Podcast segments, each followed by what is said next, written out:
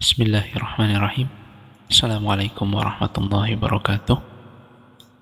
Alhamdulillahirabbil alamin wassalatu wassalamu ala Rasulillah sallallahu alaihi wasallam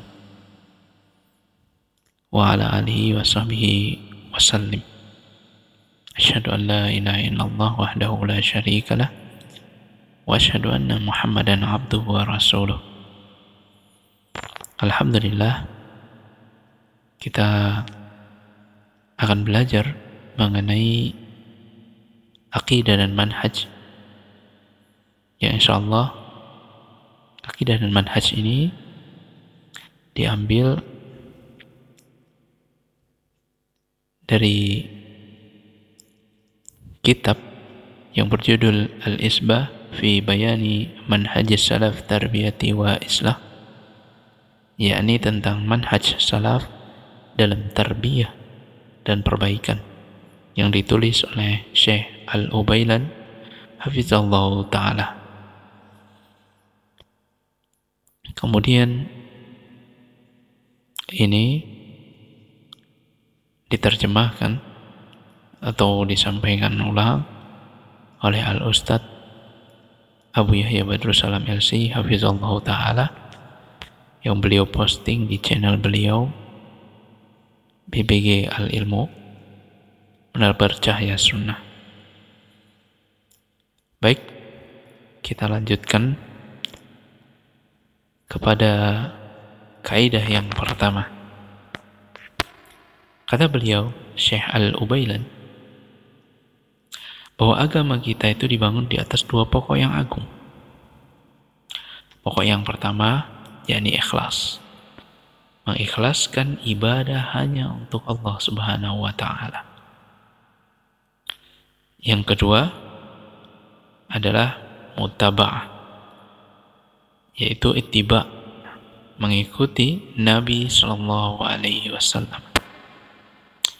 Ini adalah dua pokok yang sangat agung yang merupakan makna dari asyhadu an la ilaha illallah wa asyhadu anna Muhammadan abduhu wa rasuluh. Ketika kita mengucapkan asyhadu an la ilaha illallah, artinya kita mengikhlaskan ibadah hanya untuk Allah Subhanahu wa taala. Dan ketika kita mengatakan wa asyhadu anna Muhammadar Rasulullah, artinya kita memurnikan ittiba atau mutaba'ah kepada Nabi Shallallahu alaihi wasallam di mana amalan kita itu harus sesuai dengan apa yang disyariatkan oleh Allah melalui Rasulullah Wasallam.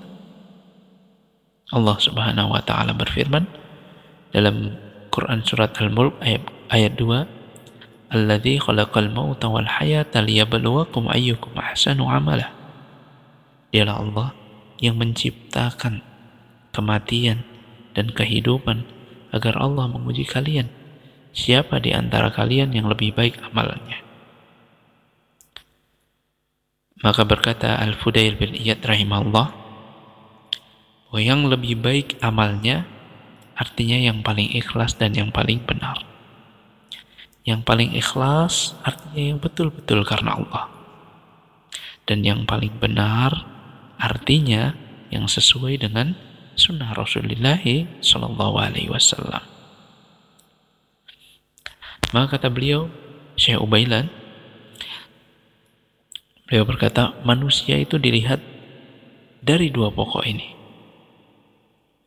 Maka dia akan terbagi menjadi empat macam. Empat macam manusia.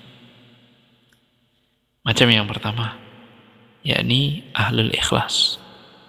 Ahlul ikhlas adalah mereka orang-orang yang betul-betul ikhlas wal mutabah maksudnya dan betul-betul mengikuti Rasulullah SAW. Maka ini derajatnya yang paling tinggi. Dan yang kedua adalah orang yang ikhlas, orang yang tidak ikhlas dan tidak pula mutabah. Sudah hatinya tidak ikhlas, tidak mengharapkan wajah Allah, sudah begitu tidak sesuai dengan contoh Rasulullah SAW maka ini adalah yang paling buruk paling buruk tentunya Kemudian yang ketiga, yakni orang yang ikhlas amalannya, tapi tidak sesuai dengan contoh Rasulullah SAW. Namun ia berbuat mengada-adakan kebid'ahan, maka amalannya juga akan tertolak. Dan yang keempat adalah orang yang amalannya sesuai dengan sunnah Rasulullah, tapi tidak ikhlas. Maka ini pun sama, tidak diterima oleh Allah Subhanahu wa Ta'ala. Jadi yang terbaik adalah yang pertama tadi, yang sesuai dengan sunnah Rasulullah dan ia ikhlas dalam mengamalkan ibadah tersebut. Maka setiap kita harus berusaha semaksimal mungkin untuk merealisasikan keikhlasan dengan cara mengikhlaskan amalan hanya untuk Allah. Bukan karena pujian manusia, bukan pula karena mengharapkan dunia. Tidak pula karena ia ingin diberikan kesenangan dari kehidupan dunia. Baik itu tadi adalah kaidah yang pertama yakni ikhlas dan mutaba'ah. Kita lanjutkan ke kaidah yang kedua. Kaidah yang kedua bahwa landasan pensyariatan demikian pula landasan dalam berdakwah ber, beribadah yakni landasannya adalah Al-Quran dan Sunnah yang sahih. Karena Allah Subhanahu wa Ta'ala memerintahkan dalam Al-Quran untuk mentaati Allah dan Rasulnya. Wa Allah wa Rasul la'allakum turhamun. Taatilah Allah dan taatilah Rasul agar kamu dirahmati. Ini dalam surat Al-Imran ayat 132.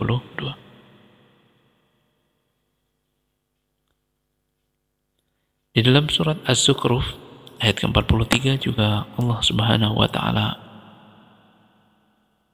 menjelaskan fastamsik billati auhi auhiya ilaik innaka ala siratim mustaqim berpeganglah kepada yang diwahyukan kepadamu Allah memerintahkan nabinya untuk berpegang kepada wahyu Berarti kalau Rasulullah SAW saja berpegang kepada wahyu, maka sudah barang tentu kewajiban kita adalah berpegang kepada wahyu seluruh. Sedangkan Al-Quran dan hadis itu adalah wahyu. Maka Allah Subhanahu wa taala berfirman pula. Di dalam surat Al-Hujurat ayat ke-1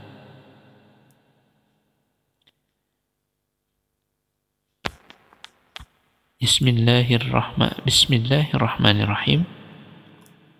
Ya ayyuhalladzina amanu La tuqaddamu baina yadayillahi wa rasuli Hai orang-orang yang beriman Jangan kamu mendahului Allah dan Rasulnya Yaitu mendahului Allah dan Rasulnya dengan akalnya sendiri Pemikirannya sendiri Dengan hawa nafsunya Atau mendahulukan pendapat siapa pun di atas pendapat Allah dan Rasulnya.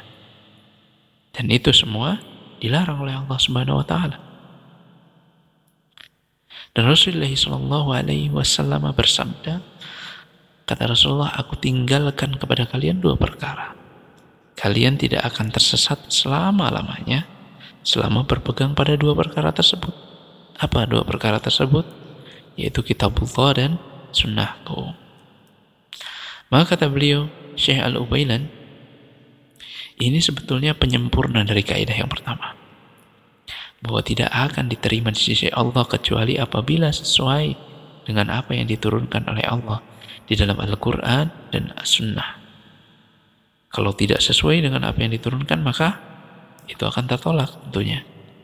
Sebagaimana Rasulullah SAW bersabda, barang siapa beramal setengah suatu amalan yang dengannya tidak ada perintah dari kami, maka itu tertolak. Allah Subhanahu wa taala juga berfirman, "Hai orang-orang yang beriman, taatilah Allah, taatilah Rasul dan ulil amri di antara kalian." Allah tidak mentak, Allah tidak mengatakan taatilah ulil amri. Karena ketaatan kepada ulil amri Dan ulil amri ini maksudnya adalah ulama dan umara ya. Ketaatan kepada mereka itu mengikuti ketaatan kepada Allah dan Rasulnya. Maka para ulama berkata, Allah memerintahkan menaati Allah, menaati Rasulnya, dan menaati ulil amri dari kalangan ulama dan umara. Dan yang dimaksud ulil amri ini adalah ulama dan umara. Takkan tapi tadi ketaatan kepada ulil amri apabila ia sejalan dengan perintah Allah dan Rasulnya. Bukan dalam perkara yang menyelisihi perintah Allah dan perintah Rasulullah Shallallahu Alaihi Wasallam. Maka karenanya kita itu tidak boleh menaati makhluk untuk memaksiati Allah Subhanahu wa taala. Maka ini tadi adalah kaidah yang kedua di dalam pensyariatan yakni harus berdasarkan kepada Al-Qur'an dan yang kedua berdasarkan kepada hadis yang sahih. Wallahu taala alam bisawab.